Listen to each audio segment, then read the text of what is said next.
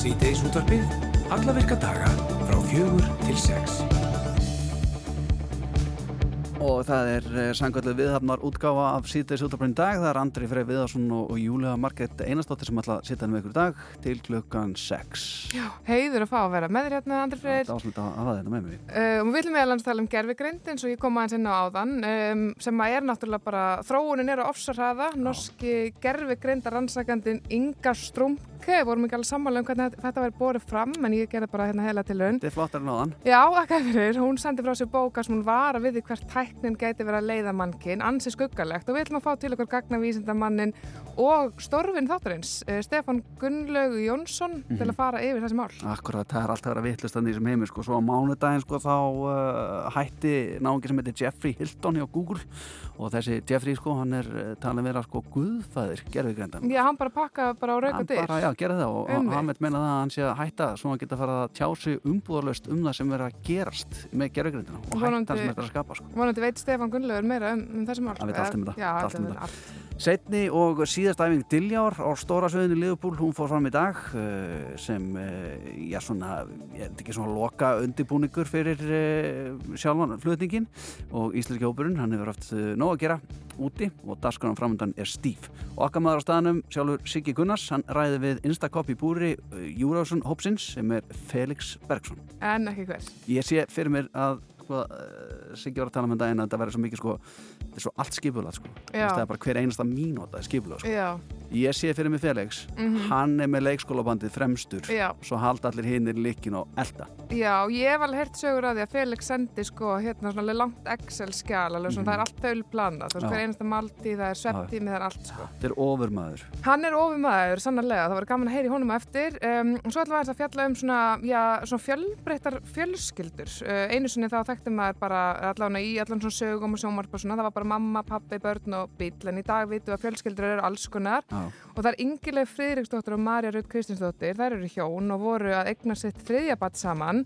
Og þær voru líka að senda frá sér bók, vatnabókina Ulfur og Ylva ævintýradagurinn, þar sem önnu söguhetjan á að mitt tvær mæður. Mm. og Marja Raut ætlar að kíka til okkar og segja okkur frá þessu. Já sko einar á, áskell var svona að það skrýtnast á sín tíma. Já, með einstæðan föður. Já. Já, kom aldrei fram sko hvar móðurinn væri nefnum mitt Hún hefur látið sig hverfa Útastátturinn árið er fagnar tíóra ammálum þessar mundir og að því tilvinni þá muna þeir Ásker Eithósson og Gunnlur Jónsson umsjónum en þáttarins hlaða í árið er veislu sem að hefst á sjálfan þjóðháttíða daginn og þetta verður nokkur skonar viðhafnar útgáða þessum þætti því að ég ætla líka að fara að senda þetta út til henni 40 ára ammáli rásar 2 sem að já, þetta er 40 ára ammális ár stöðarinnar. Félagarnir munu fara yfir árin 1980 til 2020 og þannig að það verður á nógu að taka. Þeir ætla líka að jafnvel að koma með svona brot úr nýju þáttunum. Já, fáum við kýtlu. Já, já, já, já. En er það er mál málunar sem ég var endur að ræða þetta aðeins við að við fórum í lofti að því ég veit að þú ætlar ekki að fylgjast með. Ég, ég er ekkert eitthvað svona, ég er ekki eitthvað svona, glætan. Nei, nei, okay. Ég bara, veist, ég veit ekki alveg hvernig þetta byrjar og jú, jú, ef ég kom og ról með fyrsta botla, þetta kveiki og sjómartur, ég er bara ekki að fara, þú veist, ég er ekki að fara að baka sérstaklega fyrir þetta, kilju, en ég mun kannski fylgjast með, sko. Já, sko, hérna, ok, þess að morgun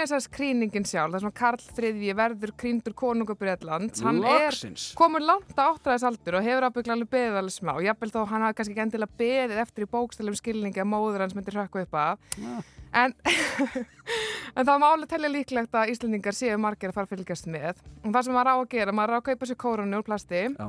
Eh, fylla á te og keksbyrðir Mm. smyrja gúrkusamlokur alveg hvítt brauð og svo þetta skera sko skorpuna af. Já, já, já. já, svona þrýrningar, það er rosa brest. Já, já, já. og þetta, þetta þarf alltaf að vera tilbúið. Uh, ég held að aðtöfni sjálf byrji bara klokkan tíu en sko útsendingin hefst klokkan kortur í nýju og þetta verður allt sínt á rúf tveimur í fyrramálið. Þannig að fyrir ykkur sem voru ekki byrja að plana þá hafið þið tíma. Og sko það er rosalega mikið í kringum þetta, rosalega mikið um, ég ætla bara aðeins að sletta og segja bling Hva, já, já, einmitt, Já, það er er mikið um skart og gull og flottheit sko, sem er eitt af því sem dregur fólk svolítið að skjánu fólki finnst gaman að sjá það Akkurat. þó sömur skattgreðendur í Breitlandi sé ekkert eitthvað allt og spennt fyrir því Nei, nei, nei, nei. En þetta er sem sagt, Breitland er eina vesternaríki sem er með svona formulega krýningar aðtöfn við valdaskipti. Mm. Það er aldrei liðið svona langur tíma milli aðtöfna en það varð kettlingin ansi gömur, blessuð. Já, hún var ansi seg, Já. sem að mjög margir voru mjög ánæði með og það var mikið sorg þegar hún fjallanda frá en hún var alltaf komin vel á aldur. Jú, jú. Um, það er talað um uh, talað þessi aðtönd muni kosta alveg 10 miljón punta sem að koma úr vösum breska skattgreðenda. Þannig að það er ekki allir sammála um svona þetta sé besta leiðin til Nei, að verja nei. skatt fyrir en ég minna. Nei, nei. Þú varst uh, lást yfir þessu í dag og varst Já. svona að uh, grænslast fyrir um uh, já, hvað þætti nú eðlilegt og óeðlilegt varðandi uh, þessa hátíðana. Já, ekki bara í dag, bara síðustu dag er ég bara búin að liggja yfir þessu öðru. Mhm. Og það er eitt sem ég er svolítið spennt að sjá, hann er erkibiskupin á Kantaraborg sem er einhver algjör sko, hérna spaði. Já. Hann ætlar að krýna konungin og hann sérst konungur hann Karl ætlar að sverja eið og svo er hann smurður með heilagri olju. Já. Þannig að það er olju smurningur sem fer hann í gang Já. og þetta er sérst ólifolja, ekki bara Filip og Berjó, Þetta er extra virgin. Já, þetta er extra virgin og hún er útbúin í Jérúsalem og það er patriarkin í Jérúsalem sem blessar oljuna, þetta er mjög mikilvægt. Vá. Og svo bara er hann makar í þessu og þannig er hann hann ramheilagur. Já, já. Svo er það ríkis eplið. Það er hvað? Eh, sko, ég get ekki alveg sagt þér nákvæmlega hvernig það lítur út en þú getur svona, þetta er önnu kvartning til að fylgjast með. Já. En það er úr gulli, þetta Já. ríkisepli, hann fær þetta einhvern veginn í hendunar. Veldisbrotarnir, þeir eru tveir. Hvað er það? Veldisbroti, menn þú er bara að sé skiluru Lord of the Rings eða eitthvað. Þetta er svona í þeim anda. Já. Uh, á eplinu er kross sem á að minna konungin á hvaðan veldan koma. Veistu hvaðan veldin koma? Epli, uh, Jérúsalem, uh, er það vísbendingar eða? Uh, já. Um, uh, kross, uh, frelsarum sjálfum? Já, þetta Auðvitað. er bara drottin, Já. það er ekkert öðru Já. sig. Uh, sverðin sem koma við sögu, Já. þau eru fimm. Já. Það er ríkisverðið og svo er sverð réttlætisins, mikilvægt, Já. Trúarinnar, miskunnarinnar og fórnarinnar. E, e, þessi sverð, er þetta þess að við sjáum svona þegar hann, þegar hann uh, krýpur og svo er sett svona Já, vinstri, auksl og hægri já, það verður gert á fimm sinnum já, verður það, hérna, sko, ég held það, það Já. verður nefnilega öll sverðin að koma við sögu. Já. Þannig er náttúrulega allir á nóli, borun og flottur, sko, Já, já, þegar þannig komið við sögu. Sleikt aftur hárðu ólíunni með Já, og kórónan sem er sérst sett á höfuð hans, hún er rúmlega 2 kíló. Það er nefnilega svolítið mikið. Það er rosa Það er mikið ekkert eitthvað rosa þægilegt að vera með 2 kíló höfðinu. sko. Nei, En heppilega er auka kórona sem er greitt með 3000 demendum og er líka mjög flott. Not, Hún er bara 1 kíló. það fær hann þá í, í sjónvarsal Já, e, í útsendingunni, þá fær hann þessa þungu já, þannig er hann að og- bugast. með tveir já. lítrar af kóki bara Já, og svo er hún sagt tekin af og Já. sett einni kílói léttari korona já, sem hann getur svo sprangað út með á höfðinu án þess að, þú veist, það var hættu að missa, já, Akkurat. missa haus. Já, Þá er það krýningastóll, þetta er svona hásæti sem er frá því um 1300 Mm. og undir honum er eitthvað svona örlagasteitt sem er krýningasteitt skota konunga og ef þessi örlagasteitt er, í- er í stólnum þá verður Karl einni krýndur konungur Skotlands. Vá. Um, Veit hann ekkert um það? ég, sko, ég þór ekki að fara með þetta, ég þór alls ekki að fara með Er bara Kannski er þetta svo bra, er það svona möndlugrautur bara hann vann hérna Sest skóli, hvað er þetta? Nei, heyrðu, og Skotland hvað er hvað er að frella maður? Já, þetta er mitt Á, þetta er. Svo eru nefnilega þessi tónleikar sem ég verði aðeins að minnast á að þeir fara fram bara á sunnudaginn og breytar eru hvatið til að koma og fagna og með götu veislum og okkur svona og það er þessi krýninga tónleikar. Mhm. Þá komu fram ekki minni menn og konur en sko Take That. Lionel Richie, Já, já. Andrea Bocelli Mm. og Katy Perry Æ, æ. en það var nokkur hafna þessu bóði Nú, hver er? Til dæmis Spice Girls sem komið svolítið óvart, Já, Adele, já, Harry Styles og Elton John. nei. Og málega með Elton John er að hann og Harry Bretaprins eru við svolítið nánir. Það bara, já. já Og það er náttúrulega, gus, hefur gustað sannarlega um Harry og konun hans Megan. Einmitt, Og það er til dæmis sko, Harry mun vist mæta. ok. En það er einhver óanægja á þeirra heimili vegna hann Archie litli á fjóra ára ammal á morgun. Já, Og þeim finnst svolítið eins og kallin sé að stela þrjumunu af batninu. Típiskur Ég veit það. En Harry ætla vist að koma, en Já. það er ennþá huldu að mér skilur, hvort að hann fá að vera á svölunum Já, hjá öllu genginu Mm. eða hvort að hann verður settur út í hotn. er leiðilegt fólk, Já, ég veit það. Já, það er alltaf einhver að hafa skýta móra. Gaman. Ég veit það, en þá væri, þú veist, þannig að slúðurpressa nenni ekkert skemmtun, sko, kærleika. Sko, Elton, Sir Elton John og uh, Diana prinsessa, Já. voru náttúrulega miklir mátar sko. Já, Candle in the Wind Like sko. a candle in the wind Mást þetta í? Ég. Jarðarförinni? Ég, Bara ég, tárast bara að vera Mér að skilst segja að hann hafi ekki tekið, eða allan stóð til að hann tæki þetta lag ekki aftur í ofinberlega Nei. vegna þess að þetta tók svo á hann. Þetta var allt öðruvísi en þegar hann syngur til Marilyn Monroe að því hann þekkti hann ekki Já, en þau voru rosa góði vinnur Já, og síðan finnst honum kannski að hann hafi gengið drengjum svolítið í föðsta. Þannig að það er alveg, Un Uncle El Elton já, pældi í Já. því að það væri bara, þú kæmist í solglerungarsafnið, skilur við. Er þetta svolítið svona kannski eins og þegar að eh, þú veist þegar að þú ert kannski vini sem eru makar uh, þú ert kannski meiri vinkona kallsins eða Mm. konar, svo hætta þau saman Já, þá ferð þú bara eldir, þú, þú ert ekki vinir beggja þú eldir bara annarkot mm. er það ekki svolítið þannig? uh, já, svolítið misjaft, Já. sko. En þetta geti verið þannig tilfelli sko.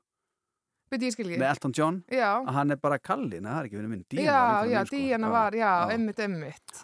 Og þá velur hann Harry sem hefur verið svona meira svona í, já, svona á skjön. Uncle Elton, hann stendur með Harry sinum sko. Já, hérna hér Júlía. Þannig að við munum sjá alla þessa dýrða á, á morgun. Ég segi bara, ég hvet alla Já. til þess að kveikja á sjónvarpinu og, og, þetta er á rúf tveimur, þetta er ekki sérst í beinni á rúf, Já. þannig að maður þarf að stilla þetta bara hjá sér. En svo er bara að halla sig aftur að njóta. Hérna, þetta, byrjar uh, tíu sjálf aðtöfnin og útsendingin hefst aðeins fyrr. Kortir í nýju, sko. Einmitt. Og þá byrja bara, byrja bara veistlan og það er að fylgjast með öllum, pærlega, allir kjólarnir, all sverðin, þú veist. Fyrst og fremst. Rástvö Þetta er Rástfö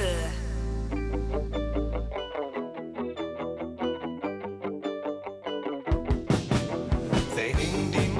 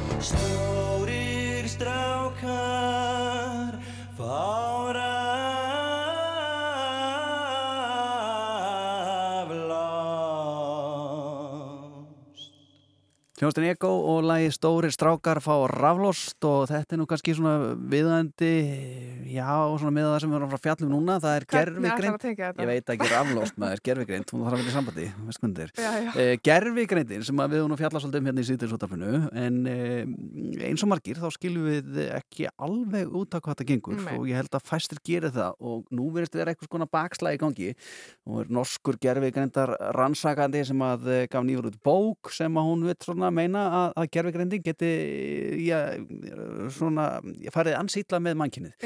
og svo erum við að tala um að hérna áðan líka að eh, Jeffrey Hilton hjá Google þetta er náungi sem að eh, rottur er kallað guðfæði gerfigreindarinnar hann saði af sér og vildi fara að tala opinskátt um eh, svona hættuna sem að gerfigreind getur valdið og hvað gerum við þá? Þá fáum við gagnavísnamannin Stefán Gullu Jónsson hinga til okkar og hann er mættur í hljóðverð og hann veit tölvöld meira um þessi mál Sætla blessaður velkomin Já, takk fyrir það og bara gleðilega fyrstdag. Já, sömulegis. En þetta bakslag í þessari chat eh, GPT Mm sem er uh, stafræna völvan eins og ekkur er segja -hmm. sem á að vita allt en, en veit ekki alveg allt en, en þú veist svona Já, já. uh, þetta já, við að er ekki verið að tala um það að nú þurfum bara að stöðva þessa þróun eða, eða hvað erum við að tala um? Sko, stöðva hæja á kannski, þetta er hérna, þetta er rosa áhugavert að því við erum að tala um bakslag. mhm. Þetta er ekki bakslag endilega út af því að uh, við erum að rekast á einhverja veggi eða eitthvað svoleiðis, þetta er meira bara að þetta er að gerast of hratt. Okkur að ganga of vel og við náum ekki að halda utan um það. Uh, og hérna, það eru rosa margir sem hafa áhyggjur og það er svolítið það sem uh, er verið að fjallum núna. Það er þessi, þessi norska kona sem gaf þessa bók er, er að, að hérna vekja aðtekla á þessu og svo er það hann Geoffrey frá, frá Google Mhm. sem, sem er rosa merkilegu kall í svona þróun gerfigreindar uh, sögulega síðan hefur verið að vinna í þessu í, í 50 ár kannski, eitthvað svo leiðis uh, og, og hérna það sem þau er að segja og flestir er að segja er bara við, þetta er að gera stofa frætt og, og hérna þetta er þetta er rosa upplugt tæki og þetta er, það má alveg líka þessu ég sá einhver var að líka þessu saman við kjarnorkusprengjur, þróun hennar þegar hérna Oppenheimer var að þróa hana og ef hann myndi bara rétta hverjum og einum litla kjarnorkusprengju til að hafa í vasanum sko Uh, það myndi sennilega ekki vera gott sko. Nei, nei. og við veitum ekkert hvað kemur af því þá er gerfugreind rosalega upplugt tæki sem getur gert rosalega svona fjölbreyta og öfluga hluti og það kemur alltaf upp sama hvaða er ef þú ert með eitthvað sem hefur sem hefur svona gríðarlega völd eða er öflugt þá, veist, þá er hægt á einhver misnótiða og ég held að það sé svona það sem er aðalega verið að hugsa um núna er, þú veist, við þurfum að stoppa og við þurfum að hugsa hvernig getum við sett á fót einhvers konar, einhvers konar veggi eða einhvers konar hömlur þannig að við getum bara stjórna því sem er að gerast. Af því eins og við rættum þegar ég kom hérna fyrir nokkrum vikum bara það er í hverju viku eitthvað nýtt að gerast. Það eru endalus á þróanir, það er engin leið einhvern veginn að halda utanum þetta sem er smá svona skeri einhvern veginn. Uh, og það er það sem flestir eru hrætti við og það er það sem flestir af þessum þegar maður heyrir af einhver svona Steve Wozniak og Elon Musk er að skrifa undir einhverja, einhverja svona lista yfir að, að, að við höfum bara að segja stopp. Það er held ég það sem flestir eru að hugsa um. Það er ekki endilega að gerfigreindin taki yfir þó það sé alveg heilu önnur umræða sem má taka þá er það líka bara að við náum að halda utanum hva, hver er að notana og hvernig má notana og hvernig má þróana þetta er svolítið líka eins og hérna svona líffræðilega tilraunir við leifum ekkert hvað sem er.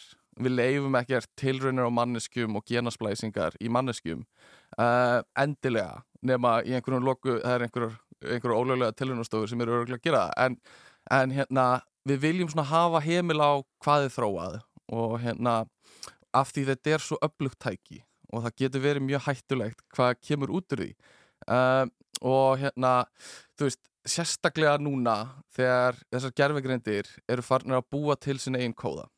Og þá það, það er svolítið skeri Hvað þýðir það? Já, ymmit, þú veist, þetta er, við erum með þetta chat GPT sem við venjulega tölum bara við og erum bara hérna, uh, gefum mig góða uppskrift af grjónagraut og hún Mhm. skrif, skrifar eitthvað eitthva sull fyrir okkur.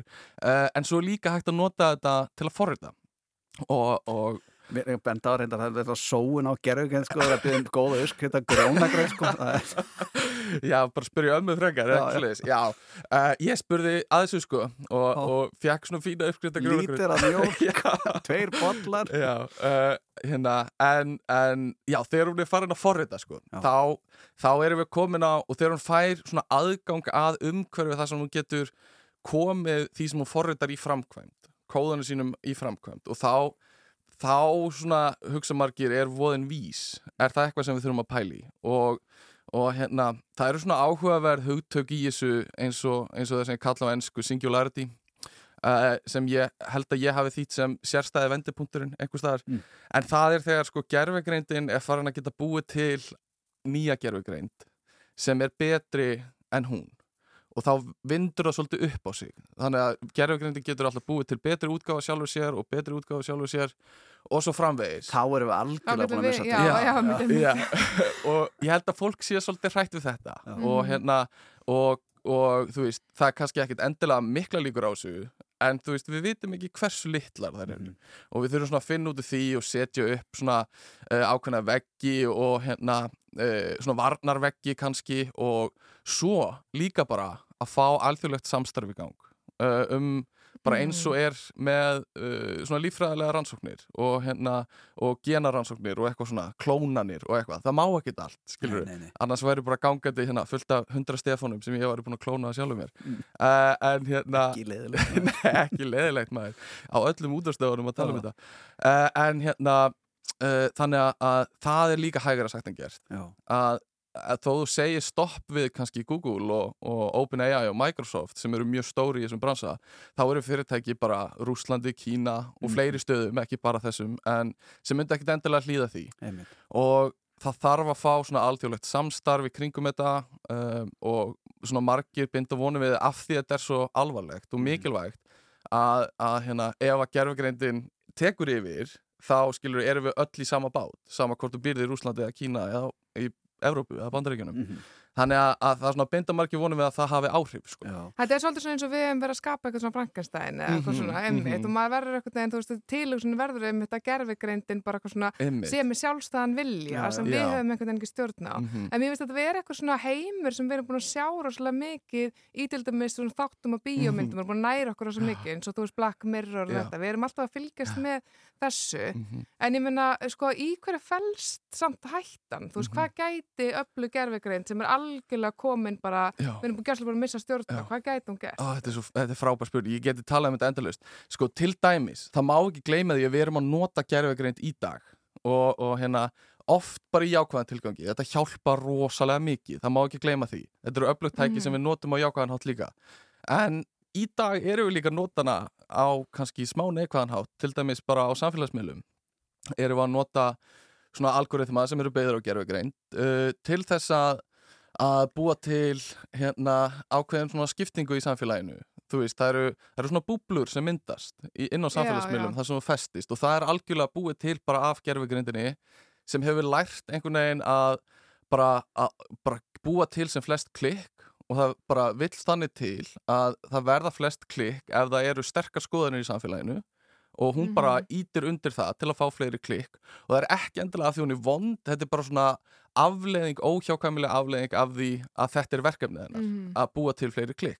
Þannig að, að hérna, við erum að nota gerfegreind á slæman hátt núna og það sem maður getur ímyndað sér í framtíðinni að hún verði bara einhvern veginn ennþá fullkomnari í þessu og sérstaklega í, í því sem kallast manipulation á ennsku uh, það er einhver svona að íta fólki til og, og svona aðeins að stjórna í svona uh, undir niðri og hún gæti orðið rosalega fær í þessu að hérna En Stefán, Já. sko, þegar við erum að reyna að setja upp okkar veggi mhm, í tölvunum okkar og eitthvað svona forrit til þess að stoppa gerðugrindina, mhm.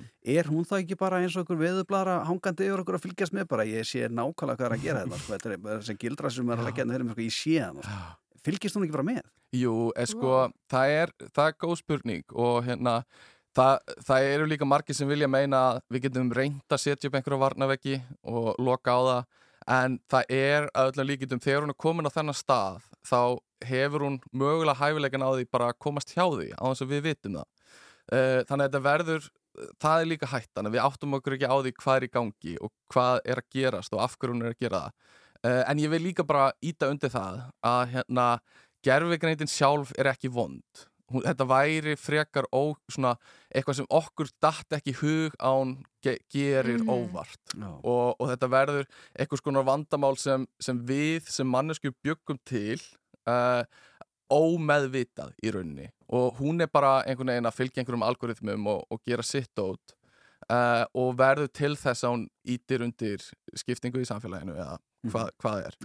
Uh, en svo er hitt hún, það er hægt að nota hana í slæmum tilgangi uh, eins og bara svona spam póstar og eitthvað svona, hún gæti orðið mjög fullkomin í því að að hérna uh, þykist vera mamma þinn og ringiði og bara, herðu ég þú þarft eiginlega að leggja inn á mig aðeins. Ég er með nýjan bákareikning og það hljómar alveg eins og mamma þinn Þannig eru konur í tölumurinn til tvö mástu? Já. Já, nákvæmlega. Hann var að ringja heim og svaraði bara mamma. Já, já. Það var Oj, það var bara það- gerðugreind Mhm. Það er þetta. og, og þetta er til bara í dag sko, að búa til rattir, það er ekki erfitt sko, að herma eftir röddum. Að hérna, þú gæti bara hérna, látið bara gerfugrind búa til rödd eftir þinni rödd og látið hana bara taka upp heilan þátt sko, Það er það væri nokkuð næst sko. já. um, Ef við náttúrulega kom hérna nýverið sem að gerðugrindin bjóð til já, Týndu einmitt. Oasis blötuna umvitt Líðan Gallagher sagði sjálfur að hann var geggjuð sko. Já, og það eru til, Já, ok, það eru til svona endalus streymi líka af, af Seinfeld þáttum Já, sem eru skrifaðir og svo eru svona illa animetaðir og le, veist, leikin af gerfugrindinni og hérna Svo, er- svo er hérna Kurt Cobain að syngja fúfættislög Já, umvitt Ekki, ekki líkt Þannig að þetta er líka gaman. En, en sko, svona rétt í lokin mm Mhm. nú er tíminn náttúrulega hlaupar á okkur sko, því að þú ert að tala um við þurfum eitthvað svona alþjóðlega vernd mm Mhm. alþjóðlegt samstarf þess að ná tökum á gerðugrindinni Já. svo nefnur þú veist að hérna lönd, Kína, Mm. Rússland og svona við erum búin að vera að fylgjast með rússum svolítið. Mhm. heldur þú að þeir myndi vilja vera með í því? Eða heldur að þeir myndi vilja þróa okkur að gegja gerðugrindi að sé sem að tekur yfir allt hitt? Já, þú veist, það er bara mjög erfitt að segja. Maður vill auðvitað vona að, að þeir horfa á þetta sem bara hag alls mannkins að gera þetta saman. Uh, en auðvitað er pólitík alltaf í öllu og, og það er bara óhjákvæmilegt og það verður mjög erfitt að, að skilja pólitíkina að uh, þessu vandamáli. Og ég efast um uh, að, að það takist sko, ef ég á að vera alveg hreinskilin uh, en það er það sem allir þessi sérfræðingar er að segja bara stoppum aðeins, finnum út hvað er í gangi uh, það er ekkert endilega slæmt en við viljum bara vita og skilja betur hvað við erum að gera hérna uh, og, og það er bara svona, það sem er í gangi núna Já. að því þetta er að gerast svo hratt Akkurat. en bara ítöndi það, það, þetta er ekki slæmt í sjálfu sér þetta er góð þróun en, en hún er að gerast bara ofrætt Mhm. Stefán uh, Gunnlaugur Jónsson, takk kjærlega fyrir komuna í Sýtis útarpið uh, og segja okkur nánar á gerðugrindinni við heyrum bara eða þetta viku, það var röglega stólkostlegt að gerast þá. Já, takk fyrir. Þú ert að hlusta á síðdeis útvarpið á Rástvö.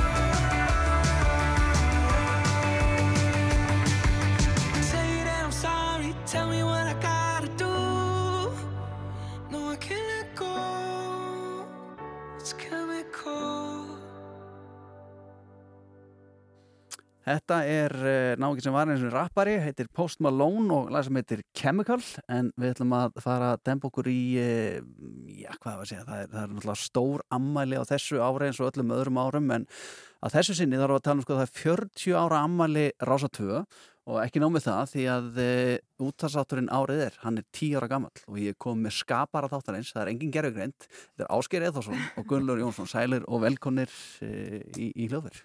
Sælir.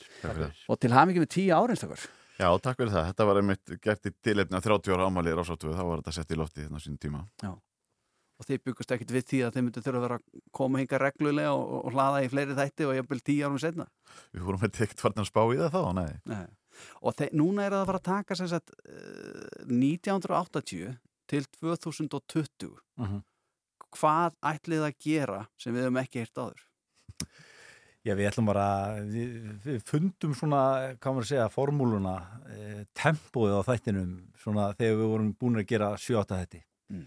Þannig að eh, við ætlum bara að halda áfram, búa til eh, fleiri flotta þætti og við ásker höfum svona verið að, eh, já, ef við ekki bara að segja væla um það að fara aftur fyrir og gera 70-sið upp. Já. Það er...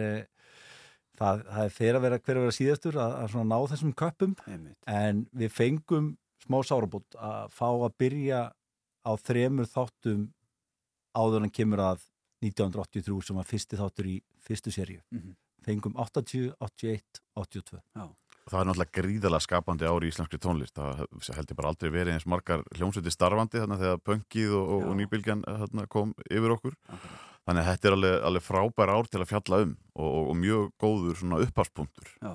Hvernig gengur eh, svona að afla sér efnis af því að eh, ég meina af sumum árum þá það er efni sem hafa bara reynilega geimt En Já, það var mjög, lítið að efni geimt á, á upphasárum Rása 2, eitthvað hluta vegna þá bara fannst mann þetta ekki vera nógu merkilegt og þá bara tekið yfir þetta að hægri vinstri. Mm. svona einstaka útdagsmenn sem að höfðu vita á því að geima þetta sjálfur bara, þannig höfðu e, fengið fullt af efni.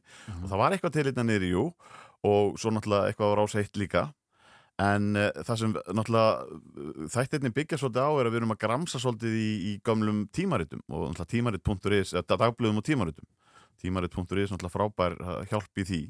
En svo þegar við erum komni núna uh, inn á tv- 2000 og eitthvað sko þá náttúrulega fer dagblöðunum fæ, fækandi bara, þú veist, eftir árunum og, og samaskapi umfjöllin um tónlist. Mhm. Já, sérstaklega áberandi hvað hún minkar bara. Og það er bara lítið um dóma um plötur uh, rétt eins og Áski segir mokkin er hættur að hafa eitthvað svona dægumála penna. Fréttabla var það líka uh, er það gaman að að komið dóldu óvart ef við tökum þessa fyrstu þrjáþætti hvað uh, fannst eiginlega mikið efni í Rásar 1 safninu? Uh, það var aðdiklisvert alls konar þættir. Já. uh, Hemmi Gunn, Ger upp veturinn Átni Jónsson er inn- innu þætti að ræða við Björgun Halldórsson sem er stattur á túr eh, um landið sem að var það bara mánuður, það var ekkert komið heim á milli, Mhm. þannig að hann er svona að fá, fá stöðuna, þeir eru held ég húsækum kvöldið eða eitthvað álíka. Eh, svona skemmtilegt krydd sem við, við náðum að Bubbi á, á frábært viðtal eh, hérna hem, Hemmi Gunn á á frábært viðtal við Bubba 1981 þegar auðvitaðgasmenn er að fara í túr. Og samkvæmt viðtalinu þá bjóst Bubbi jafnvel við þetta eru tvö ár á túr. Já. En eftir tvæ, þrjá vikur þá sprakk jössalega bandið já, og það er svona já, við, við, við, það var gaman út sammála með því ásker að það var gaman að finna svona, svona krydd þegar maður held einhvern veginn að það var ekkert fjallað um popmusík í Rásar 1 áður en Rás 2 komið til skjálana fyrir utan einhverja já. óskalega þetta Já, og Lúms kom að fann þar inn á milli sko. En í svona einum hefðbundum þætti, hvað er það að fara yfir langt tímabil? Eins og bara sem fyrsta þætti hennar. Það fyrir við eitt ár í íslenski músík Já, emmitt. Það er náttúrulega líka á nóga, næga að taka bara á einu ári. Já. Já. Og sérstaklega emmitt kannski emmitt á nýjönda áratögnum. Við, við byrjuðum náttúrulega á því þegar við byrjuðum 83, þá byrjuðum við að taka eitt ár í einu og það var Já. planið og ætluðum að gera það bara alveg til 2013 en svo þegar við vorum komnir að árinu 2000 cirka eitthvað sliðist, þá náttúrulega var það bara svo mikið efni sem var að koma út að við Já. komum ekki fyrir Ómögulegt að velja hafna bara. í einu þætti, þannig að þeir eruðu tveir og svo eruðu þrýr á, á tímabil líka þannig að við ætlum svona að sjá til hvað verður úr þessu efni sem við erum að vinna núna frá 2014 til 2020 hvað við náum að koma því fyrir í, í fáum þáttum. Mhm. Þegar að þið strákar er að vinna að þættinum árið er e, þá á maður svona séð ykkur hérna á göngunum og svona og það er verið að gramsa eitthvað stað niður í og það er verið að retta sér hinn á þessu og yfirfara þetta á stafrænt form og ég veit ekki hvað, hvað gulli kemur lögbætinn inn með eitthvað sjötumur og erlendi grundi með íslenskum útgáfum og eða eitthvað erlendum útgáfum og einhverjum íslenskum lögum og ég veit ekki hvað og hvað. Og ég man nú eftir því að gulli kom eitthvað hérna með bunga af undirtónablöðum hérna og kom fyrir hérna einhverjum skápum og var að flæti að, að hellið ykkur svona í þetta og, og uh, mann getur ímyndað sér að þið bara reynlega marinerist í íslenski tónlist og mikið af tónlist sem að þið hefur kannski ekki hlustað mikið á en eru þið búin að eignast mikið af svona nýjum gömlum uppáhaldum? Já, já, við skiptum svo líka svona svolítið eh, á milli okkar og, og, og við erum ekki alveg með sama tónlistasmæk sko, þannig að það hefur bara gengið mjög vel og auðvitað hellingadótið sem við vissum ekki að þarna væri til eða, eða hefði komið út Mhm. og, og mjög gaman að rífið allt saman upp sko. Viltu giska hvaða deild hann er í? Sko, mér langar mjög mikið að vita Vilt þú ekki skoða það? Nei, ég þorri Ég segi að áskeirin sé svolítið í nýbylginu sko Jú, jú, ég er aðeins út á kanti Já, já, já, já. Mm. En það verður ykkur að vera það Já, já Strákar, þið komið með uh, svona brot úr þættinum uh, Hvenar heyrum við þetta í útvarpinu? Svona í þættinum, eiginlega þættinum Þetta er árið 1982, eða ekki? Já, Já fyrsti þátturinn sem sagt, í þessar nýju röð fer í í lofti 17. júni, það er 1980 þannig að þessi myndi vera það 31. júni vantarlega í loftinu. Þetta er 1982 árið er. Þarna erum við basically að komum bara inn í stofu hjá Eithóri Gunnarsinni sem er að skapa eh, sprett úr spori sem var það Garden Party. Og það sem gaman er er að Sigurður Eithórsdóttir sem fórum mitt fyrir hönd eh, Systra. systra í fyrir þetta Eurovision er malandi hérna háls á sundir þessum píjónuntónum Já, ok. sem verða svo að þessu stórkostlega lagi Gekkja. Við ætlum að heyra þessa klippu úr uh, tilvonandi árið er þætti og uh, nýja serían fer á stað 17. júni og uh, ég, ég segi bara gullið áskir til hamingi með tíu árin og það verður gaman að lusta og vonandi fá miklu meira. Takk fyrir. Rástfö Við erum Rástvö Já, eins og það heyrðu áðan þá eru Ásker Eðarsson og Gunnlur Jónsson umsjónamenn þáttarins eh, árið er hjá okkur rétt áðan og þeir eru voru að lofa okkur klippu sem að við ætlum að henda í gang hér með og svona ljómar þetta. Árið er 1982. Í júli 1981 fættist Sigriður Eitharsdóttir, fyrsta barn Eithors og konu hans Ellenar Kristjánsdóttir. Við skulum kíkja sem snöggvast inn í stofu og óðinskötu í Reykjavík, einn kaldan vetrarmorgun 1982. Eithor situr við píanóið og Sigriður litla er eini áheyrandin þegar lagstúfur verður til sem átti heldur betur eftir að verða örlagavaldur fyrir hljómsveitina Mezzoforti.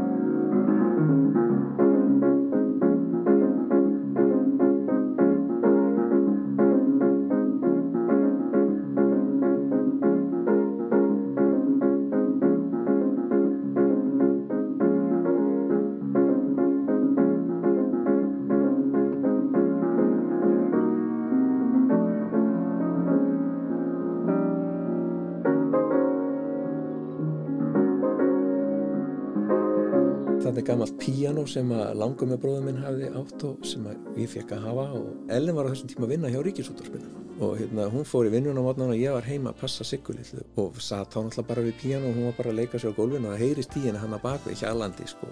Ég set þetta saman, þetta byggir svona svolítið bara á þessu hljómbórsriffi sko og svo var ég svona eitthvað að nostra við að breyta þessu í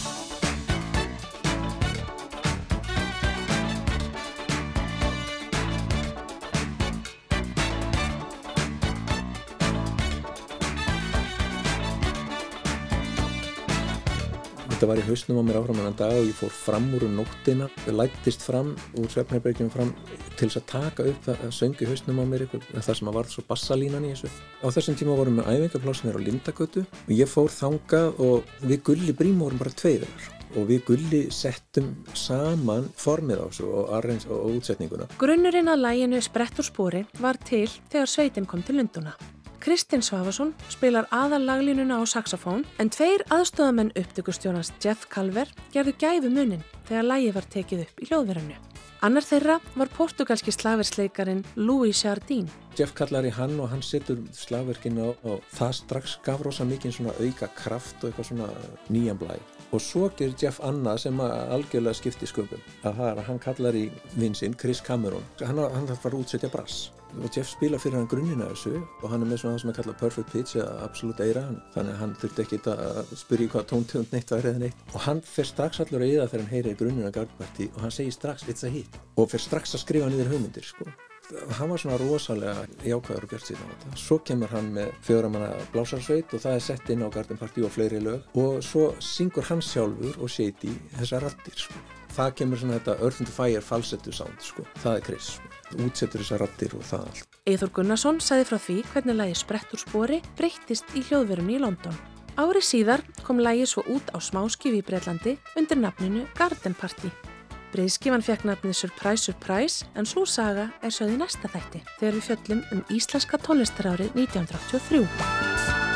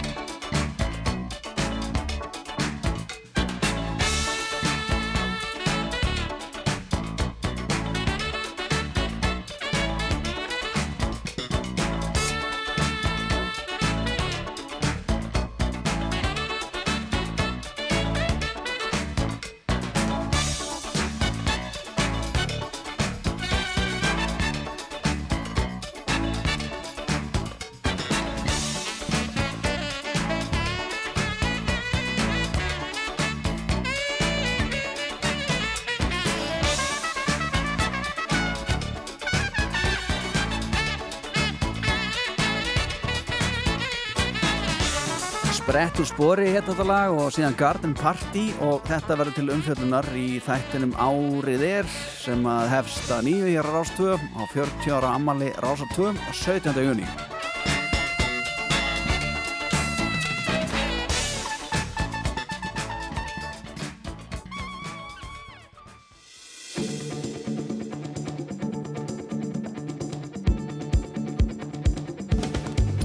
Það er eitt og annað framöndan hjá okkur, Júlia. Heyrðu, það er ekki um að villast, við ætlum að tala um hins einn fjölskyldur.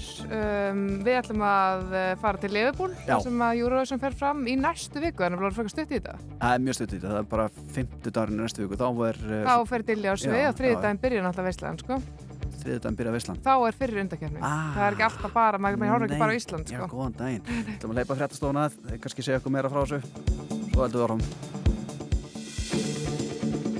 Þú ert að hlusta á síðdeis útvarpið á Rástvö.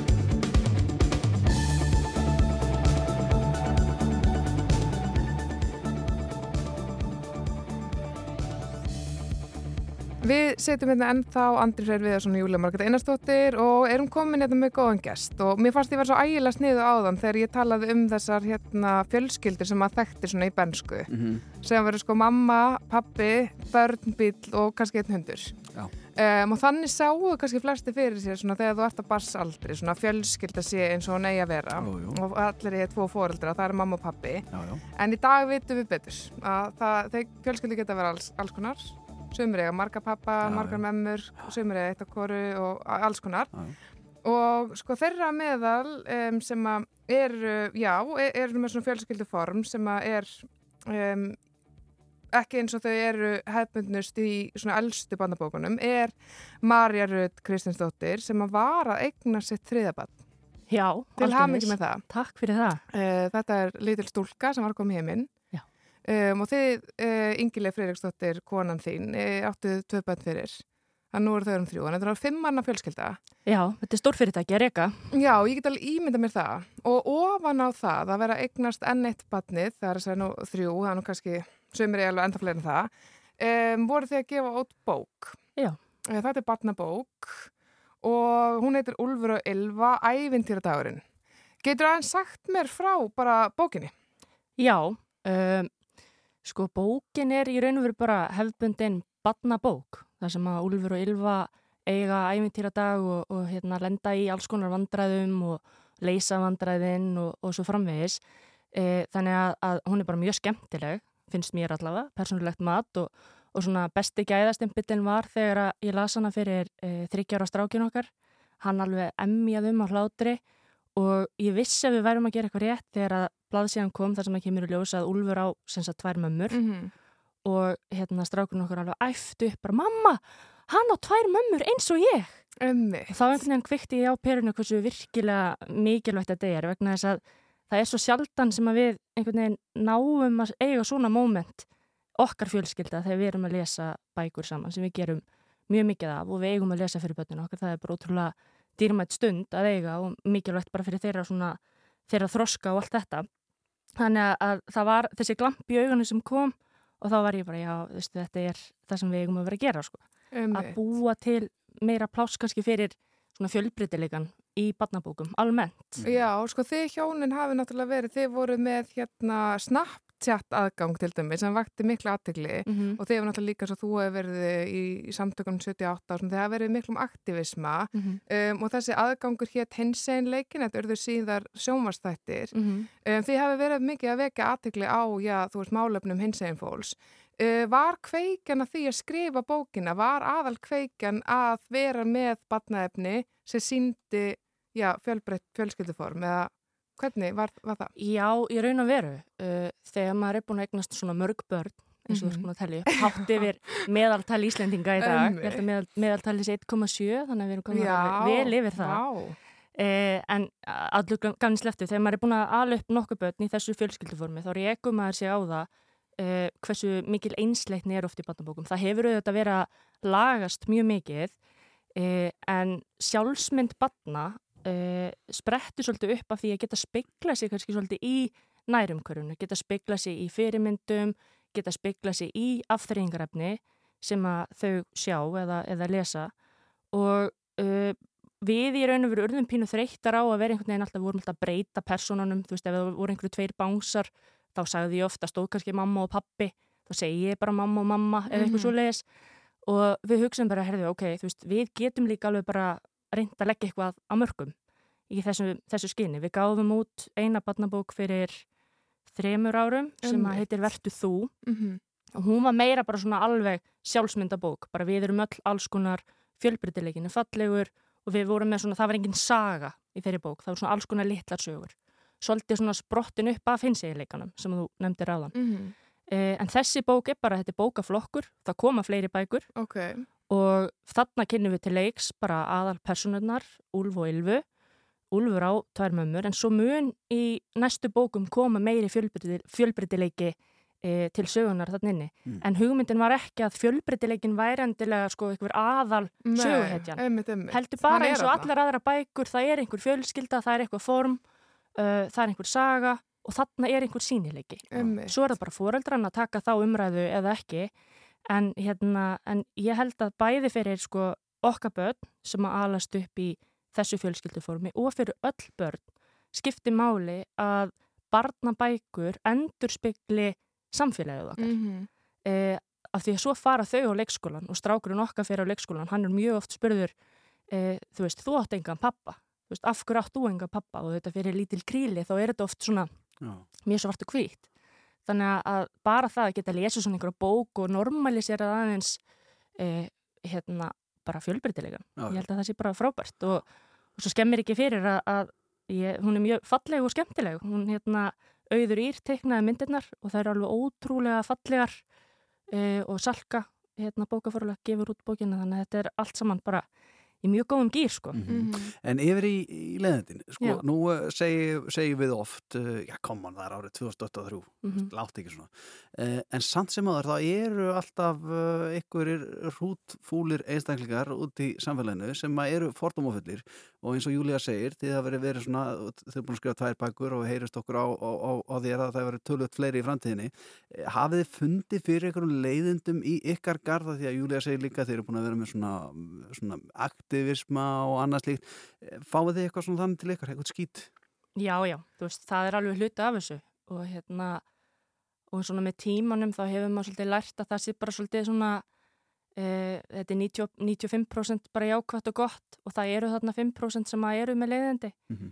og hérna það er ekki það sem að svona trublar okkar tilveru Nei. það sem skiptir okkur máli er þegar við fáum með mitt skilabúð frá fóreldrum sem eru gladir af því að þau geta loksins lesið eitthvað fyrir börnin sín sem að, sem að hérna, eigur kannski eh, svona eflir þeirra sjálfsmynd eða þeirra, þeirra vitund um heiminn og svo framvegis. Og það er ekki bara börn samkynja para eða eitthvað svoleiðis heldur bara ef við viljum að börnin okkar sjá í fjölbreytilegan og átti sjá því að við erum öll ólík og það er gott eh, að þá er þetta eitthvað sem að það er það sem vakir fyrir okkur. Þannig að ef einhver, einhver vill fetta fingur sína út í það þá bara gerir við komandi það sko. Já, þa- Þetta er kannski efni í Badabók, þessi 5% sem eru með leiðindi. Úlfur og Ylva mæta 5% Mæta fordómum. Ég er til að lesa það, sko, en hérna, en að því að mér finnst það svo stutt síðan að maður leit svo á og svona yngri kynnslóðin, kynnslóðin sem komur kannski til svo eftir okkur og þær séu svo ótrúlega opnar og, og heimurinn sé að vera svo miklu betra þessu leiti og allir geti verið þeir sjálfir. Svo náttúrulega verður þetta bakslag sem við hefum svolítið talað um og þarna unga fólki er byrjað að, já, þú veist, nýða hvert öðru skóin, einmitt fyrir að vera einhvern veginn út fyrir eitthvað ákveðin norm. Um, en er þá ekki einmitt svolítið mikilvægt akkurat að fara þá í algjörlega yngstu kynnslóðina og byrja einhvern veginn þar að svona plæja akkurinn?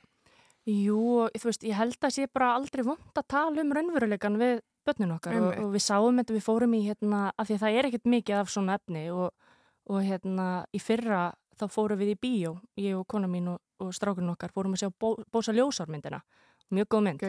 Gekju mynd og hérna ég vissi ekkert um hana og þar var bara atriði þar sem að kemur í ljósa besta vinkun og Bósa ljósár, ég vona að ég sé ekki eðilegja myndina fyrir einhverjum, þetta er Spoiler, eða er ekki búin að sjá Passið ykkur. Já, Lækið, lækið. En þess að besta vinkona hennar sem er líka kemloka, hérna, hún á konu. Og þetta er bara svona 30 sekundur eða mínúta þar sem það er svona spólað yfir hennar æfiskeið og það, það er síndur svona alls konar bara veruleiki, bara hún að eigna spatt með konunni sinni, þær verða gamlar og, og svo framvegis. Og ég og Ingileif byrjuðum bara að há gráta í bíósalunum því við höfum aldrei séð svona sínileika. Mhm. Og ég held að fyrir fólk sem að er gagkinægt og lifir í gagkinum veruleika, er bara algjörlega, algjörlega með opin huga gagur fjölbreytileikum, þá fattar kannski ekki hversu sérstætt þetta var fyrir okkur og svo var strákurinn okkar, þryggjara, hann öskraði við bíasalinn, hei, þetta eru tvær konur, það er eins og mamma E og mamma M. Þú veist, og Mhm. hann alveg fór skælbrósandi heim, hann hafði aldrei áður séð teiknumynd sem að spiklaði þetta. Allar hina teiknumynd, 99% teiknumynd að gera það ekki, þannig að það er ekkit hættulegt ef, að, ef það er aðeins svona verið að sína, herðu, hérna, það er fjölbyttilíku og Disney hefur verið að gera þetta en því meður, þú veist, það var það þannig með þessa mynd að hún var bönnuð í einhverjum 40 löndum og einhverja aðvaranir í bandaríkinum að þetta var alveg hræðilegt mál. en, en þú veist, já, svona stuttasvarið er bara, einmitt, við þurfum bara að vera að halda áfram að, að miðla og tala saman og ekki öskra hvort annað, heldur líka átt okkur á því við erum öll bara manneskjur, við erum ólík það er gott, ég held að heimurum væri mjög leiðilegur ef við værum öll alveg eins eh, og hérna við höfum að íta undir það hvað það er sem gerur okkur að okkur sjálfum en ekki einhvern veginn að reyna að þröngu okkur inn í einhver boks sem að engum líður vel í. Heyr, heyr. Við vorum að reyfi upp einar áskil hérna í Já. upp á eins og vorum svona að veltaði fyrir ykkur með mömman sko. Já, hvar var hún? Já, akkurat. Ve, Sakamál? Já, þú er náttúrulega réttöfund. Veist þú hvað var um mömmans? Nei, veistu, ég hef oft velt þessu fyrir mér. Já. Það er nefnilega mjög oft í þessum bókum, það voru einstæðir feður stundum, sko. En hérna, nei, ég veit ekki hvað Nei. varði mömmans. Það sem er, mér finnst þetta sjokkarandi, Þetta er mest efni í sjokkarandi, sko. Já, algjörlega, en sko, en sko að því að hann er eldgamall, pappin, hann er alveg gamall og hann er núna með illt í bakinu og hann er alltaf... er yngri en ég. Já, hann er jafngamall en ég. Já, Og það- það, þetta já. er ákveð, hann er 36 ára Hann er bókunum, 36 sko. ára. Það er ógeðslega gamall kall sem getur ekkert að sinna. Heldur þú að það sé létt að vera einstæðu fadur? Nei, nei, nei, það sérst allan á honum, það getur að sérst fleirum, já. ég nefn ekki nefn. Nei, nei, nei. En, en Marja, takk innilega fyrir að koma, það verður spennandi að finnast með, fylgjast með þeim Úlfi og Ylfi og þeirra ævintýrum, fyrst í ævintýra deginum og bara því sem að framöndan er. Takk fyrir að kíkja til okkar og segja hvort þessi. Takk fyrir. Rétt í lokin, er hún komin í búðir? Já, hún er komin í búðir. Til aðmyggjum með það. Takk fyrir. Slides in through the door, moves her feet across the floor,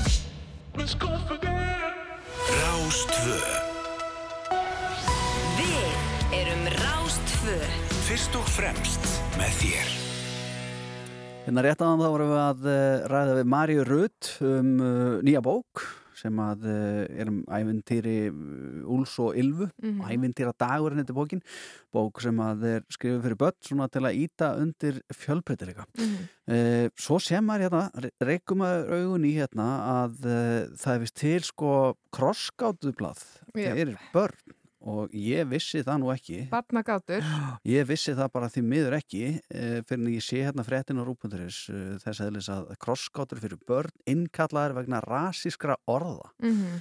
og uh, þá er sem sagt uh, í þessu krossgátublaði þá er uh, já, stuðst við notkunar á orðinu negri og það er náttúrulega mm, orð sem að eh, ég hefur verið svona parist fyrir því að vera lagt til hlýðar og, og það er búið að reyna það í fjöldamörg ár. Og það er nú bara gengið ágætlega að hafa maður haldið. En uh, útgefandi blaðsins, uh, hann segir að þetta er reynda viðurkjönd orðið í orðabók háskólans og í flestum orðabókum uh, og svona að- reyna að benda á það að þetta er í orðabókum. Og svo segir hann líka að að hann bendir á það að útgáfa bókarinnar tíu litli negrastrákar uh, hún hefur verið endur útgefin á sinni tíma og, og ekki innkölluð og uh, hann man ekki eftir því að það hefur verið sett eitthvað sérstaklega út á það Mér finnst það áhugavert Já. hann muni ekki eftir því vegna þess að ég man eftir já, miklu fjárafóki og mikil gaggrinni sem þessi endurútgáfa okkur fekk sko. Já, ég er þarna með þeir sko Ég- sko. En uh, talandi um uh, efni tengt börnum þá nú önnur reitskoðan í gangi Já, það er þættirnir eh, blæja og nú ert þú náttúrulega faðir og kannski- frábærir. Já, frábær þættir sem myndi eitthvað segja Ég hef ekki verið svo heppin að fá að horfa á blæju Nei. en það er þetta með fytusmánun sem er náttúrulega, það er líka einhvern veginn svona baráttar sem er einhvern veginn ennþá rosa mikið í gangi og hérna og það er þetta sérst varandi það að þarna kemur fram fadir hennar blæju Mhm. greinilega sem horfir á sig í speikli í þættinum og finnst hann vera feitur veist hann er með bumbu og, og hérna, ég veit ekki hvort honum finnst það sjálfum Mér finnst hann ekkert svo feitur Nei, að ég veist hann sko. segja þetta, nei, nei. en blæja sérst dóttir hann spyr af hverju gerir þú ekki bara æfingar eða svona hvernig væri að fara að skella sér á hlaupabrettið og þetta er til dæmis rauk sem að voru notun okkur nýverið í hérna Twitter um, einhverju reyfrildi Akkurat, já sem ég einmitt. kannski ekki endilega fyrir saumana á Já. en þetta þykir ekkert rosa smekklegt að segja Já.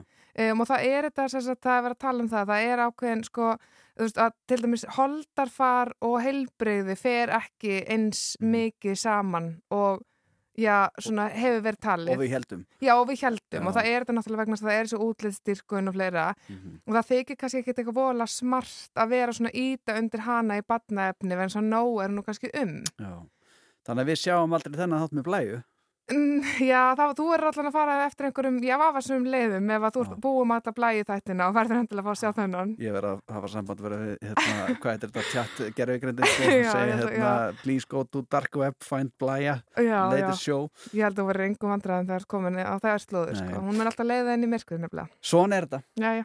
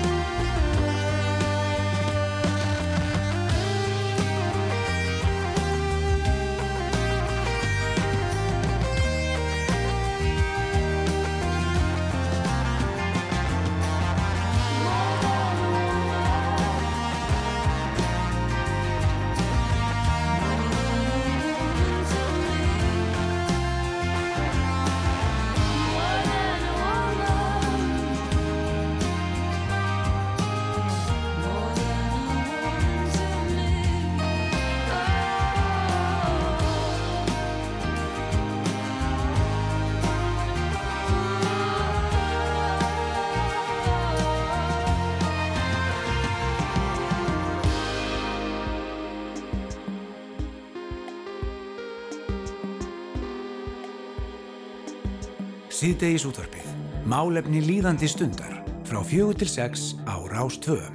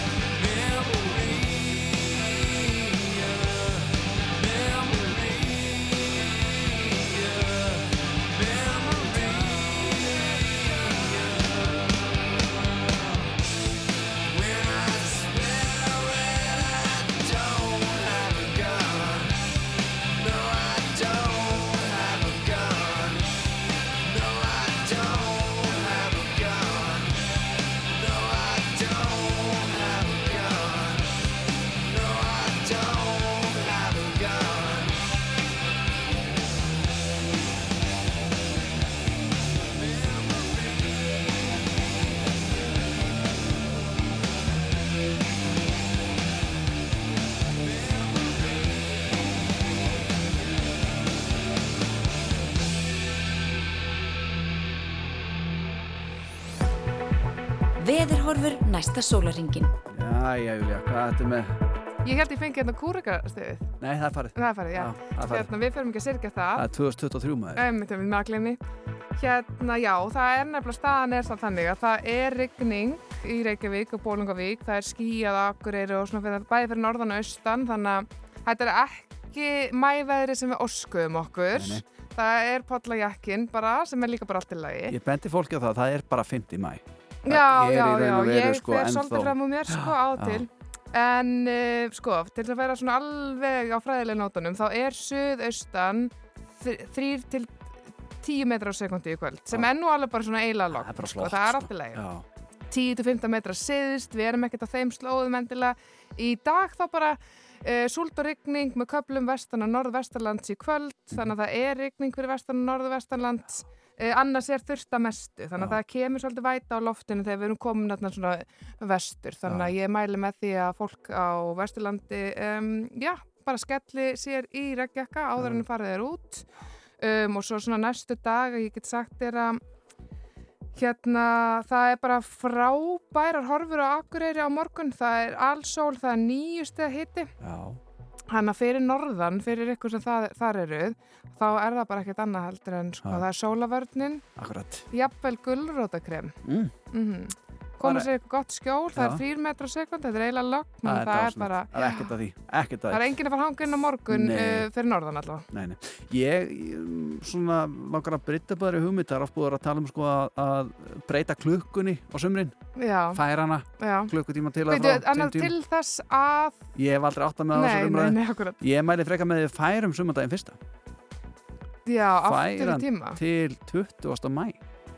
já, aftur í Færan tíma. til 20. mæ. Já, ekki, ég er ekki alveg til þetta. Þú ert nefnilega eins og Rafnildur og Gunnar sko, Já. þegar það fari í veðri sko, það er alltaf sko, þegar leið á sumandaginn fyrst er komin, Mhm. þá er alltaf ætlast til þess að veðri veri gott. Já, En þá maður er bara út á peysunni. Já, já, með gæsa og kvef. Já, já, sko, með og ég kalla þetta sko, uh, sko, ég kalla þetta sko, uh, sko, vorhór, kalla þetta sko. Já, já, við erum svolítið í því, við erum svolítið í því, sko.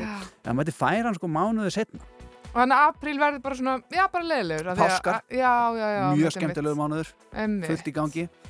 En veltið þess aðeins fyrir ykkur, uh, hvort að þetta verði ekki eitthvað sem hægt var að gera og jafnvel að við förum bara í máli hérna í síðustöldafinu, en það er nú gaman að segja frá því að í dag er sko 5. mæ, það er 50, Mhm. 50 og hvað er 2 pluss 3? 5, Hess, Já, það er 23 heldur að segja sko. einhverjar að gifta sig í dag? Ég er alveg sannferður Mhm, einmitt. og við að sjálfsögðu óskum öllu því fólki bara já, innilega til hamingju. innilega, já, Innilega, Óskir já, og ég bara vona hjónabandi vera sem lengst og farsalast Já, já, talandum uh, farsælt, veistu hver ammal í dag? Nei, Evropröðið og stopnaði þessum árið 1949 hugsa sér, ég var bara að gæsa þá Já, Mm. ekki nóg með það því að þessum degi árið 1953 þá eru samtökin andspyrnur reyfing gegn her í landi. Þau voru stopnið hérna Reykjavík. Hernaðar anstæðingar, Já, hverju sér, já, já, já, ég þekki þeir nú. Nú, uh, við vorum svona eitthvað að, að uh, velta fyrir okkur köllugósi hérna undan dag. Já, eitthvað lítið að gerast þar samt. Lítið að gerast, en á þessum degi árið 1970 þá hófst heklugós Já, það er svo annað sko. Já, og svo er það nú drottningin sjálf sem á ammali Hérna, Beyoncé? Nei, Nei, Elisa Reid. Já. Hún fæðist á þessum degi árið 1976 Einmitt, Já. unglega er hún sko. Jæja, og svo er nú annað fyrirbæri sem á ammali í dag.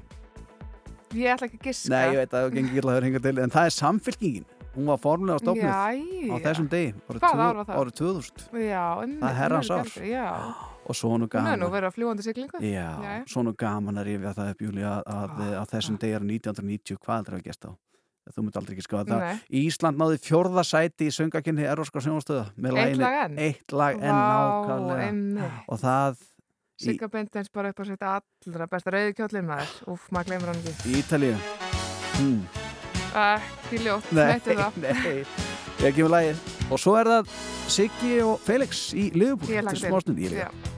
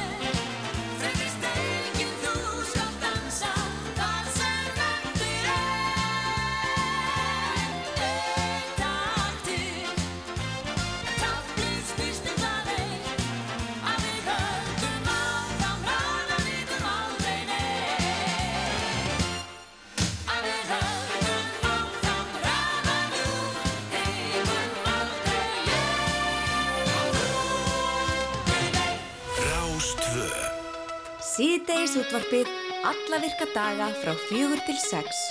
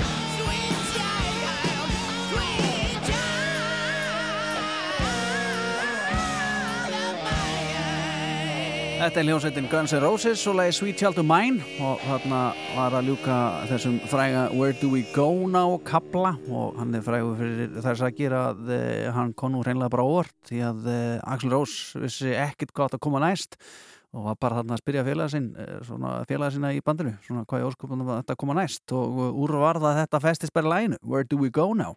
En nóg það, við ætlum að fara að tala um öðruvísi músík eða ekki ég því að mér skilst að Siggi Gunnars og Felix ég hef búin að koma sér rækilega fyrir eitthvað staðar í Liverpool Já, við Felix Bergson sitjum hérna út í sólinni í eh, Liverpool fyrir utan uh, hótel okkar eftir, uh, já, góðan dag í Liverpool sem að hófst snemma í Liverpool Arena, ekki satt Felix? Jú, við vorum bara komin að stað um áttaleitið og áttum að fara fyrr en ég náðu nú að, grenja það út að við færum aðeins síðar en það listamæðurinn ekki alveg til að fara svona snemma af stað þannig að maður reynir stundum að, að taka þann slag og ég gerði það í morgun en við fórum ekki að stað fyrir rúmlega átta en já, e, þetta var bara ansi góðu dagur. Þetta er náttúrulega eins og reyndar allt hérna, mikilvæg eh, æfinga, þetta er svona síðasta, síðasta renslið fyrir bara Eurovision vikuna þegar að eh, allt er farið á stað og, og litlu hægt að breyta. Já, það má ég alveg segja öllu sé læst bara eftir þennan dag sko, það er bara svo leiðis svona verður atriðið. Og það sem þið sjáum núna á, Facebook, á YouTube þessar 30 sekundur sem eru síndar frá atriðinu, það er svolítið það sem við erum að fara að gera þannig að þarna, e, það verður svona, jú, einhver tweaks hér og þar, ég veit að það til dæmis á að vinna aðeins í um, í uh, læginu sjálfu sko, uh, sagt, soundtrackinu sjálfu, trackinu sjálfu.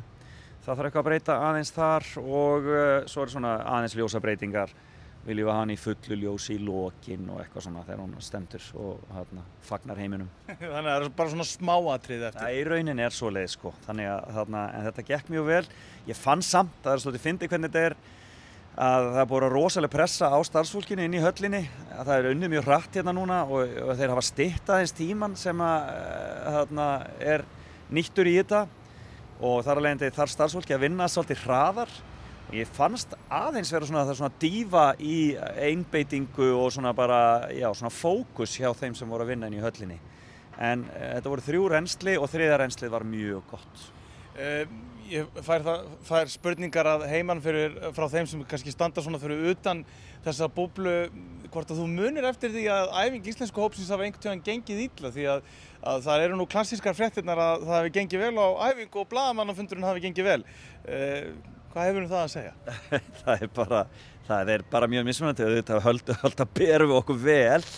Við berum okkur alltaf vel en það hafa verið, jú, jú, það hafa verið ansið vondaræfingar ein mjög eftirminnileg minning er þegar að hérna, hópur eh, sem ég ætla ekki að nefna hver er kom inn í hérna kom inn í uh, hvað heitir það hérna uh, hljóðpröfuna fyrstu og það var eitthvað sem mixi var ekki alveg nógu gott og fólk var einhvern veginn ekki að segja frá því og, og stoppa það heldur, bara byrjaði að syngja og það er einhver svaðalegasta kakofónia sem ég var á æfum minni þannig að það er ímislegt sem getur komið upp á en sem betur fyrir þá svona gengur þetta allt út á það að, að fara í gegnum þessa hluti, gera mistökin og, og, og þar að leiðandi að vera sáttur fyrir rest skilum. Já, það er náttúrulega þannig að það er lítill tími gefin í þetta, það er mikið fagfólk á, á öllum, öllum stöðum, hvort sem það er fólki sem er að vinna í höllinni eða, eða íslenski hópurinn, þannig að það er nú kannski ekki skrítið að hlutindi gangi bara svona yfirleitt frekar vel. Jú, jú, en ég menn þetta er samt alveg rosalega sprettur eins og ég menna bara, ég dáðist að Diljá í dag því að hún í rauninni, henni bara í rauninni hendinn á sviðið þegar að koma að þessu, það var engin tími til neins og hún var bara, hún var bara sett á gólu og svo bara byrjaði lægið, en hún er svo mikill nagli sko. það, og syngur bara eins og engill alveg, þetta bara, það er ótrúlegt hún neglir það alltaf Við getum sagt fólki, það voru 20 mínútur sem hann hafði upp á sviðinu og hann var bara kert í lægið þrjustinsunum og lægið er þrjár mínútur. Þannig að á helmingu tímas var bara ég að keira lægið. Já, og í rauninni bara, hún var bara einhvern veginn, að, þú veist, þetta var rosalegu flýtir á öllu, sko. Við höfum fimm minútur til að skipta yfir, þú veist, hend inn, hend út, skiluru. Og það er þetta sem ég segja, þetta var svolítið mikið stress og ég fann að þessu starfsfólkinu þetta var svona að skipta yfir og kýpur yfir í okkur tilbúin að, við að fara að hugsa um hvernig Gríkland verður og þau voru aðeins komin svolítið með hausin eitthvað annað. En ég ætla nú ekki að, að segja of mikið frá veðrunni hérna, það er leikið við okkur, það er reyndar farið að rigna núna í þessum tölu orðum þegar við sitjum hérna úti og ætlum að vera að njóta sólarinnar. Þess vegna ætla ég að fara svona að drífa mig með setin út af viðtælisins. En, en í kvöld sem sagt stendur fyrir uh, Íslenska partíið, uh, nei fyrir ekki Norræna partíið, þar sem að við Íslendingar tökum heldur betur þátt. Já, við séum skipulagt það bara í ár tókum það svolítið á okkur að skipulegja það og það er bara, þetta er heitast í miðin í bænum núna það er allir, það er bara, stoppar ekki símin bara ding ding ding að byggja um, um miða í Norræna partíði kvöld. Já, við tökum okkur saman, sem Norrænu þjóðurnar 5 og Ísland, sem að við viljum að sjálfsögða sé í Norrænu fjölskyldunni og bjóðum til veistlu svona 250-300 manns reynum að fókusera og reyna að fá fjölmjölamenn auðvitað inn. Og uh, þar erum við bara að kynna listamennan okkar, þau tróða öll þarna upp í kvöld Uh, og það verður bara, og eins og ég segi, við höfum gert þetta í gegnum tíðin og þetta hafa verið mjög vel hefnaða veislur og, eins, og mikil spenn alltaf fyrir þessu, þannig að, og það var svolítið fyndið, það var svona rólegt í byrjun vikunar, en í gær og í dag, það er bara búið að vera allt vittlaust eftir miðum, sko, þannig að þetta verður eitthvað gott, þetta verður gott stuð í kvöld. Enda náttúrulega mikið stuð á norrannu þjóðunum uh, í ár, við náttúrulega með Dilja okkar, en svo eru norðmenn með atriði sem er spáð góðu gengi, finnar með atriði sem er spáð sigri og já, Svíþjóð líka Já. og svo Danmörk með flott atriði, TikTok stjörnu. Nákvæmlega og Íslandi með sitt sem að er nú svona, en svona, já, það er svona, það er svona, já, það er, það er sumir eru uh, taldir uh, eiga mög, meiri möguleik en aðrir en, en, en þetta er yfirleitt bara, við náum mjög vel saman, þessir, þessir, þessar þjóðir, vinnum náið saman og hjálpum hver öðrum og, þarna, og svo kjósum við hver aðra líka þannig að það er mjög gott. Uh, svona lokum, uh, hvernig er helgin uh, framundan, fá mér eitthvað aðeins að kvíla lúin bein eftir fyrstu vikuna hérna í, í uh, Liverpool? Já, við ætlum að reka, uh, við ætlum að reka listamanninni Dilja á í CrossFit á morgun. Nú, jæja. Við förum í opinbera heimsókn í, í CrossFit River Mersey á morgun og ætlum að taka þar eina góða æfingu með þeim. Það er morgundagurinn, það er stóra verkefnið á morgun og það er svona kannski líka fyrir social media og svo leiðis. Og svo ætlum við að fara í opnunaháttíðina stóru á sunnudaginn og, og, og, og turkis eh, teppið og það allt saman og það verður mikið fjör. Takk fyrir þetta Felix, góða skemmtunum helgina gangi ykkur uh, vel áfram í því sem að þið eru að gera og nú ætlum við Felix að koma okkur inn úr rigningunni hér í Liverpool og, og uh, gefum aftur yfir í eftirleiti með góðum Eurovision kvæðum. Won't hold you back no more. And God spread your wings and fly away. And carrying you way too long, like an obsession. I thought you were a living part of me, but I got my power in my hand. You hold no power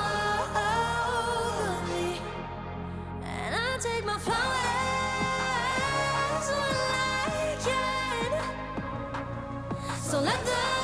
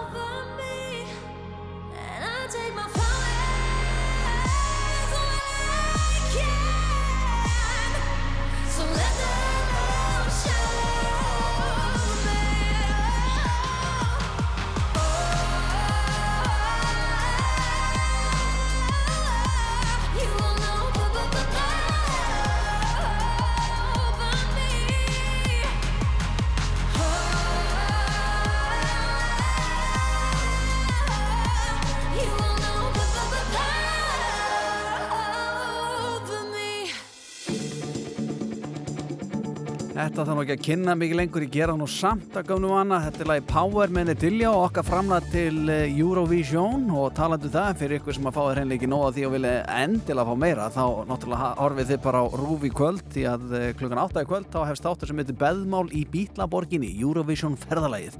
Þetta er þáttur sem er í umsjá uh, Sigga okkar Gunnars sem er náttúrulega stattur í, í Bítlaborginni eins og þið heyrið það rétt á hann og hann ætlar að sína áhörundur svona undra veröld Eurovision aðdáðandans og skoða Leopoldborgina í leiðinni.